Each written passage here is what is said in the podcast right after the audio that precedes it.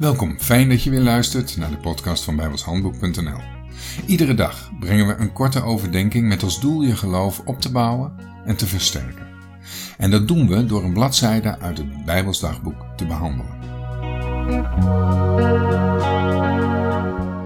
De muziek bij deze podcast is geschreven en uitgevoerd door Jack Andrew. Het is vandaag 21 januari en ik lees 1 Petrus 1 vers 23. Gij, die wedergeboren zijt niet uit vergankelijk, maar uit onvergankelijk zaad, door het levende en eeuwig blijvende woord van God. De wedergeboorte vinden we prachtig uitgelegd in Johannes 3, in het gesprek tussen de Heer Jezus en Nicodemus. Wedergeboorte en bekering is niet hetzelfde, maar gebeuren wel gelijktijdig. Bekering wil zeggen dat het initiatief van de mens uitgaat. Hij komt tot geloof en dus tot bekering. Wedergeboorte wil zeggen dat het initiatief van God uitgaat.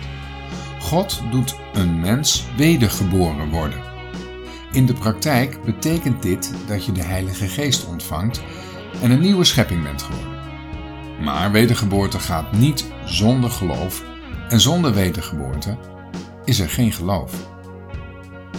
We lezen in 1 Petrus 1 vers 23 dat wij niet wedergeboren zijn uit vergankelijk, maar uit onvergankelijk zaken. En dan staat erachter, we lezen in het bo en we lezen in 1 Petrus 1 vers 23 dat wij niet wedergeboren zijn uit vergankelijk, maar uit onvergankelijk zaad. En dan staat erachter, door het levende en eeuwig blijvende woord van God. Gij die wedergeboren zijt, en dan laten we de tussenzin weg, door het levende en eeuwig blijvende woord van God. Een mens wordt alleen maar wedergeboren door het woord van God en dus door God. Ook de in het Griekse passieve vorm van het werkwoord wedergeboren zijn geeft aan dat deze verandering door God tot stand is gebracht. Het onvergankelijke zaad en het levende en eeuwig blijvende woord van God zijn dus synoniemen. Het gaat om hetzelfde. Vergelijk Lucas 8, vers 11.